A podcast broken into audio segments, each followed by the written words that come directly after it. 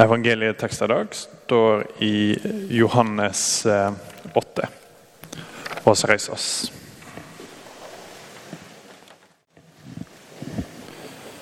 Så sa Jesus til de jødene som var kommet til tro på ham. Blir det værende i mitt ord, er det virkelig mine læresveiner. Da skal dere få kjenne sanninga, og sanninga skal gjøre dere frie. Vi er Abrahams ett, la dem imot, og har aldri vært slaver mot noen. Hvordan kan du da si at vi skal bli fri? Jesus svarer. Sannelig, sannelig, sier du, hva den som gjør synd, er slave under synda. En slave blir ikke værende i huset for all framtid, men en sønn blir værende der for alltid. For Sønnen gjort dere fri, blir det virkelig fri. Slik lyder Herrens ord.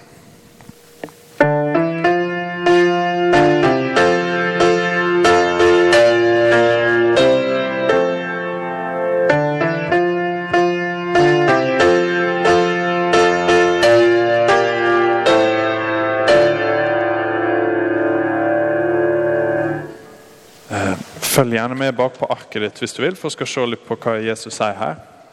Eh, han snakker med noen jøder, og her er det ikke egentlig kritiske jødiske ledere. Her står det at det er de jødene som har kommet til tro på ham. Gjennom hele Johannes-evangeliet så er det masse folk som kommer til tro på Jesus gradvis. Men det viser seg at det er ikke på en måte en ting som skjer helt i starten, og så er alt på plass. For sakte, men sikkert så blir det åpenbare mer og mer av hvem Jesus er. Eh, og det er mer og mer de må tro på med han. Så her tror de på Jesus, men når han begynner å utfordre dem litt, så er de fornærma med en gang. Så jeg skal se litt på det, og se litt om oss blir fornærma. Eh, se på vers 31 der. Da sier Jesus.: Blir dere værende i mitt ord, er dere virkelig mine læresveiner. Da skal dere få kjenne sanninga, og sanninga skal gjøre dere fri.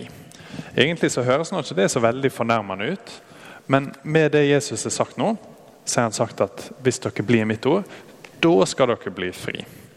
Innforstått at dere er ikke fri nå. Og det står der og hører på og tenker Hæ?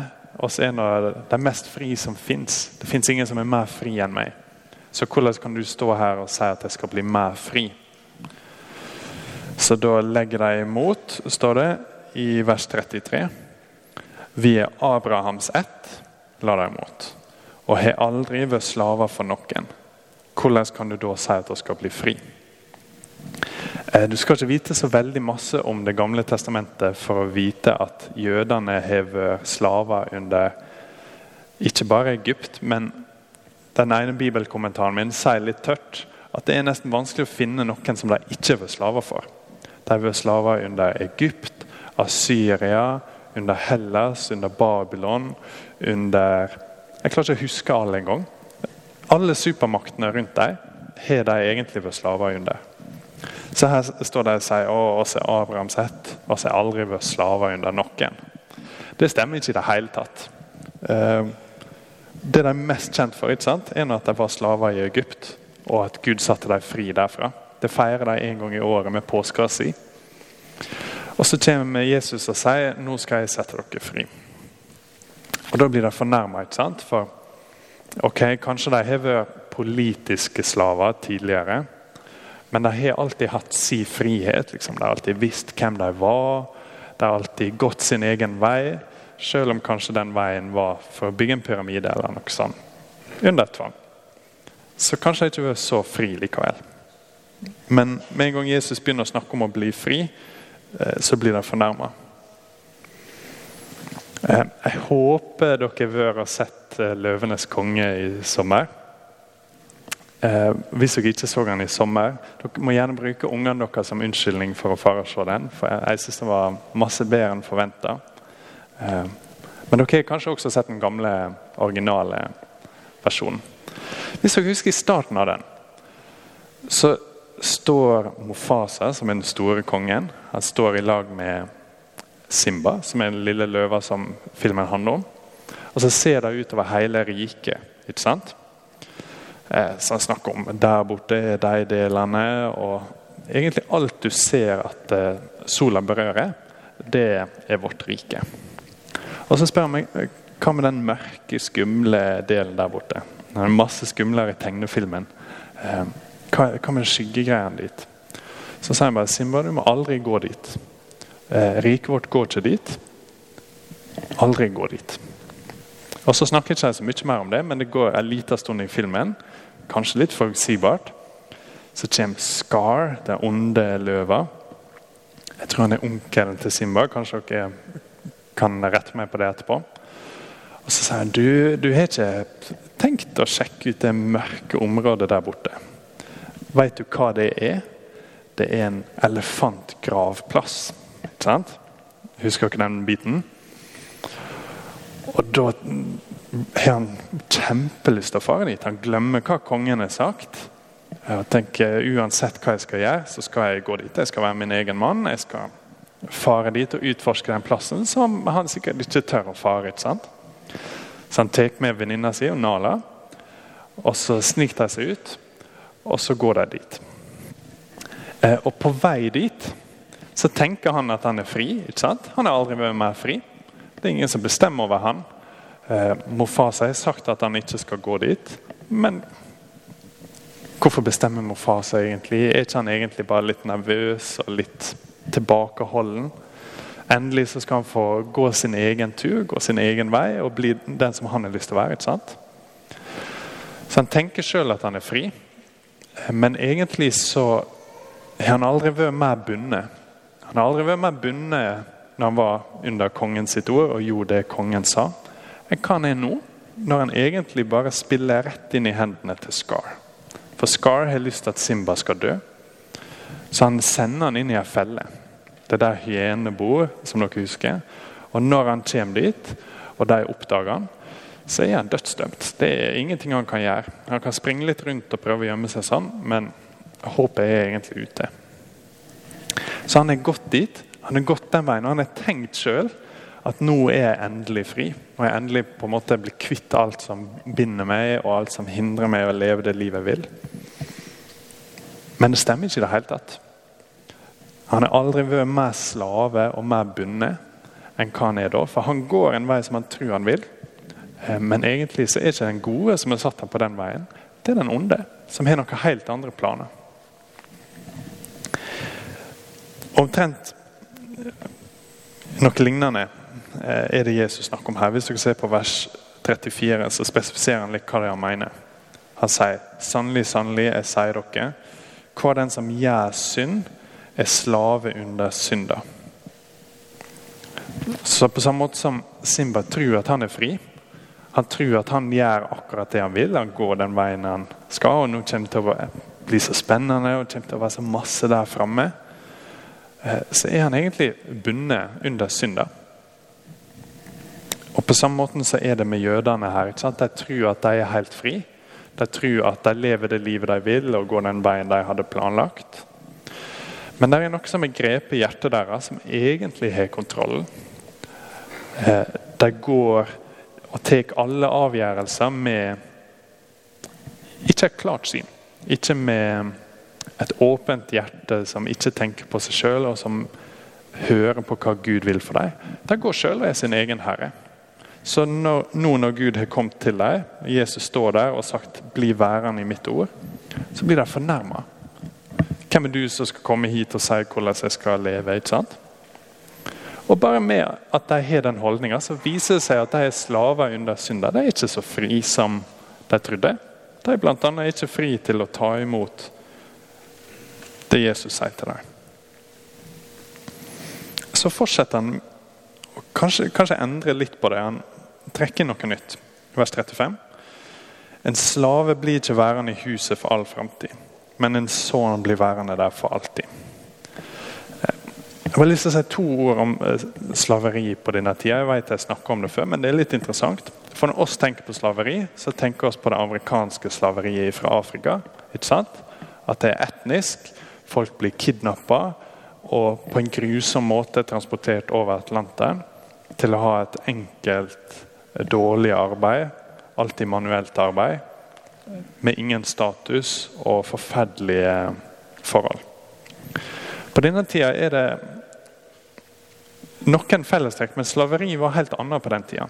Eh, det gikk ikke an å gå økonomisk konkurs på samme måte som du kan i dag. Så si at du hadde en stor gjeld overfor noen, og så kunne ikke du betale. Så var løsninga at du på en måte solgte arbeidet ditt for en periode. Så beklager, jeg kan ikke, jeg kan ikke gå god for eh, lånet mitt. Jeg må bli din gjeldsslave. Ikke sant? Så i fem år så er ikke jeg en fri mann. Jeg jobber for deg. Men du forsørger for meg. Du gir meg kost og losji, så jeg slipper å dø. Eh, og jeg slipper å sitte i fengsel. Men jeg er din slave. Det som er interessant med det, er at det er ikke etnisk. Det er ikke sånn at det er kun én etnisitet som er under en annen. Afrikanere under hvite, f.eks. Og det er heller ikke statusbasert. Hvis dere tenker på prinsen av Egypt med Josef, så er han slave og statsminister samtidig. Han er slave for han er ikke en fri mann, men farao setter han som den eneste under seg sjøl. Han styrer hele landet på et tidspunkt, samtidig som han er slave. Så det er ikke sånn at han bare jobber med bomullfarmer. Absolutt, det var folk som hadde praktisk arbeid også. Men eh, slaveri i Bibelen er noe annet enn hva vi er vant med. Det er absolutt negative ting med det. Eh, og Gjennom Bibelen så ser vi at det er en eh, institusjon som forsvinner, og som bør forsvinne. Men metaforen er der ofte. At her er en slave i huset. Her er en som på en måte er solgt inn for å gjøre arbeidet sitt. Han er der, han er kjempenyttig. Kanskje. Mange av dere kunne kanskje tenkt dere en slave innimellom til å uh, rydde opp. Men han har ikke hjerte, ikke sant? Det er det Jesus mener her i vers 35. At en slave blir ikke værende i huset i all framtid. Men en sønn blir værende der for alltid. Det er veldig veldig stor forskjell om, om du er en slave eller om du er en sønn. Hvis du er en slave under synda, så er det ikke sånn at synda på en måte står og virkelig har lyst til å gi deg gode ting. Fienden, djevelen, har ikke lyst til å gi oss noen gode gaver. Han har bare lyst til at vi skal gå på hans vei for hans sine planer. På samme måte som Scar vil at Simba skal gå i døden, for det passer fint for han. Ikke fordi det passer bra for Simba. Men det er helt annet med en sønn. Hvis du er en sønn i huset ditt eh, Bibelen bruker ofte sønn, for sønn er arvingen. Eh, hvis du har en sønn i huset ditt som ikke rydder rommet sitt, som ikke gjør det han skal, så er det ikke sånn at du hiver han ut og sier 'jeg vil aldri se deg igjen'. Eh, hvordan kunne du bryte avtalen vår? For det er ikke sånn forholdet er. Det er ikke et gjeldsslaveriforhold. Han er sønnen din. Du kommer aldri til å kaste han ut, uansett hva som skjer. Og hvis han virkelig slår seg vrang, og du er på butikken og han sier ja, jeg hater deg, hvordan kan du ikke gi meg smågodt i dag? Så kommer du bare til å elske han mer. Du kommer til å forklare hvorfor du ikke kan gi han smågodt i dag, osv. Men du kommer ikke til å si eh, far ut av livet mitt, jeg vil ikke ha deg her. Du kommer til å heller ofre deg sjøl. Du kommer til å ta på deg ting sjøl i stedet for å legge det på han. Og Det er det Jesus hinter til her. at Han bytter fra å snakke om én sønn til vers 36. For sønnen gjort dere frie, blir dere virkelig frie. Så plutselig så snakker han om sønnen. Han snakker om seg sjøl. Det som skjer med Simba, som dere kanskje husker, er at han er inne i denne elefantgravplassen. Eh, Hyenene har gjort seg klar til å ta han. De kommer til å ha han i løpet av noen få øyeblikk. Og så tenker han ok, nå skal jeg prøve å skremme deg vekk med brølet mitt. For han er en løve, tross alt, men han er en liten heter det kvalp. Han er iallfall sånn at han kan ikke skremme vekk noen. Så tar han i alt han har, og så når han brøler, så kommer det et kjempebrøl. ikke sant?